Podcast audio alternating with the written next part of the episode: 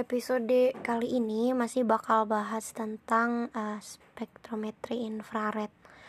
Yang bakal dibahas masih ada hubungannya dengan instrumentasi, yaitu cara penyiapan sampel. Nah, kalau misalnya sampel gas, itu cara menyiapkannya dia dimasukkan dalam sel khusus berbentuk silinder yang telah divakumkan sehingga nanti gasnya akan mengisi ruang silinder tersebut. Nah, silindernya itu bisa terbuat dari logam tapi yang penting adalah bagian depannya terbuat dari bahan yang tidak menyerap infrared dan biasanya dibuat dari lempeng NaCl.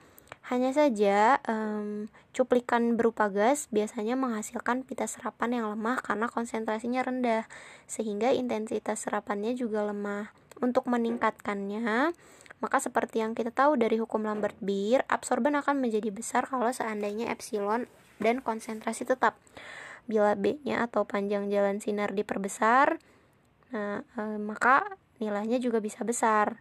Tapi kita tidak mungkin memperpanjang tabung supaya nilai B-nya jadi lebih besar karena kalau panjang alat IR-nya juga harus lebih panjang. Jadi cara yang lain adalah dengan melakukan proses pemantulan berulang kali. Jadi nanti sinarnya bisa masuk ke dalam cermin, kemudian dipantulkan eh, dan berkas sinarnya diarahkan ke detektor dan dengan demikian terjadi pemantulan berulang kali.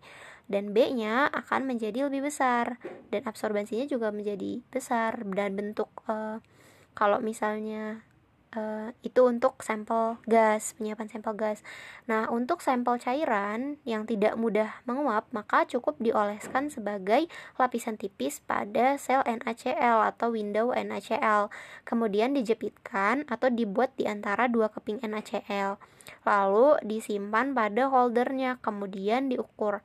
Tapi kalau cairannya mudah menguap atau sesuatu yang dilarutkan dengan pelarut yang mudah menguap, cara yang pertama yang uh, pertama yang pakai NaCl window 2 di apit itu tidak bisa digunakan. Begitu disimpan di lapis tipis maka dia akan menguap dengan cepat dan tidak bisa diukur. Makanya digunakan sel khusus. Ada dua keping NaCl yang ada lubangnya uh, satu terus yang satunya lagi tanpa lubang. Nah dia disusun dalam suatu holder. Kemudian setelah disusun sampelnya disuntikkan melalui bagian bolong yang kecil. Sampel masuk menembus lubang terus uh, sampai kepada spacer yang ada lubangnya pada ketebalan tertentu sehingga spacernya penuh. Maka dia akan keluar pada lubang sebelahnya dan sisanya dibuang. Setelah penuh uh, udah nggak ada gelembung udaranya, bagian untuk memasukkan dan mengeluarkan sampel itu ditutup rapat. Jadi supaya cairan yang mudah menguap itu tersimpan dalam spacer dengan ketebalan tertentu. Dan cara inilah yang dipakai buat analisa kuantitatif. Karena untuk uh, kuantitatif B-nya itu akan selalu tetap. Jadi nilai B-nya ditentukan oleh tebal tipisnya spacer tersebut. Nah untuk uh, sampel padat penyiapannya itu ada e, beberapa metode. Ada tiga metode. Yang pertama adalah metode Mulnujol. Nah, metodenya ini jadi sampelnya dihaluskan lalu disuspensikan dengan minyak mineral nujol. Nah, minyak mineral nujol ini adalah hidrokarbon jenuh berantai panjang yang dibuat pasta. Lalu setelah jadi pasta dioleskan ke dalam lempeng NaCl, dipasang di holder, lalu diukur. Nanti didapatkan spektrum serapan campuran nujol dengan sampel karena minyak nujolnya menyerap IR jadi kalau tumpang tindih pita serapannya uh, sebenarnya nggak bisa dibedakan antara si nujolnya dengan sampel. Terus yang B kita bisa uh, menggunakan plat KBR jadi sampelnya dicampur dengan KBR lalu dihaluskan. Karena KBR kan nggak menyerap sinar infrared. Nah dicetak menjadi cakram tipis pada peralatan KBR dye Sampel kemudian dimasukkan di tengah-tengah, terus ditekan sampai 10 ton dan akan terbentuk cakram tipis campuran KBR dan sampel. Cakram itu kemudian nanti diukur dengan peralatan. Oleh karena itu, cara ini dibandingkan dengan nujol akan lebih baik karena KBR-nya itu tidak menyerap sinar infrared. Spektrum serapannya jadi benar-benar serapan dari sampel dan biasanya ini tuh bisa divakumkan gunanya diharapkan pada saat ditekan campurannya udah nggak lagi ada udara. Nanti kalau ada udara uh, udaranya bisa menyerap infrared dan spektrumnya malah kecampur sama yang gas. Yang ketiga adalah metode lapis tipis atau film casting.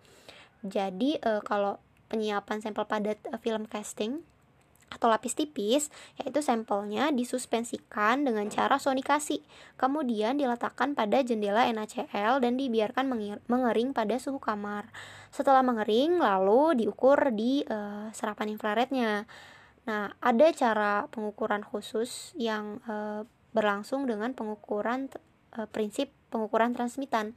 Jadi sampel yang diukur tuh harus tembus sinar infrared atau transparan terhadap sinar infrared. Cara-cara tadi e, tidak bisa dilakukan kalau misalnya sampel yang akan diukur tidak tembus sinar infrared. Untuk sampel atau cuplikan-cuplikan yang nggak bisa ditembus sinar infrared, ada beberapa cara khusus yang bisa digunakan. Cara khususnya yaitu yang pertama ada diffuse reflectance spectrometry atau DRS, yang kedua ada attenuated total reflectance atau ATR. Nah, untuk diffuse reflectance spectrometry biasa digunakan untuk serbuk. Jadi kalau misalnya ada padatan, digerus sampai halus, lalu serbuk halus yang ini yang akan diukur dengan peralatan infrared. Jadi ke, kalau ada sinar IR datang, serbuk itu akan mendifusikan sinar atau bisa juga merefleksikan secara spekular atau diffuse. Sampelnya ditaruh di tengah, dikit, kemudian sinar IR akan mengenai sampel melalui pantulan cermin. Nah, nanti IR-nya akan direfleksikan ke segala arah dan dikumpul kembali melalui cermin yang e, lain dan dilanjutkan ke detektor. Jadi, yang diukur itu bukan sinar yang diserap, tapi reflektansnya yang e, dipantulkan. Cara ini lebih sederhana karena preparasi sampelnya enggak hmm, nggak sulit dia cukup dihaluskan hingga serbuk dan e, spektrum IR yang dihasilkan sering kali sinar yang didifusikan itu intensitasnya tidak terlalu kuat tapi sehingga spektranya juga nggak terlalu tajam makanya hmm, agak susah. Dan ini cuma digunakan untuk padatan yang kedua attenuated total reflectance atau ATR ini uh, untuk sampel cuplikan yang nggak bisa ditembus IR prinsipnya sama reflektansi atau pemantulan. Tapi digunakan kristal yang terbuat dari diamond, intan, berlian, silikon, germanium. Jadi dia uh, biasanya kristal yang memiliki indeks refraksi yang sangat tinggi. Sinar datang dari uh, arah sumber sinar, kemudian dipantulkan ke cermin dan dipantulkan berulang-ulang kali oleh sampel yang diletakkan di atas kristal. Nanti e, sinar yang dipantulkan berulang akan dikirim ke detektor.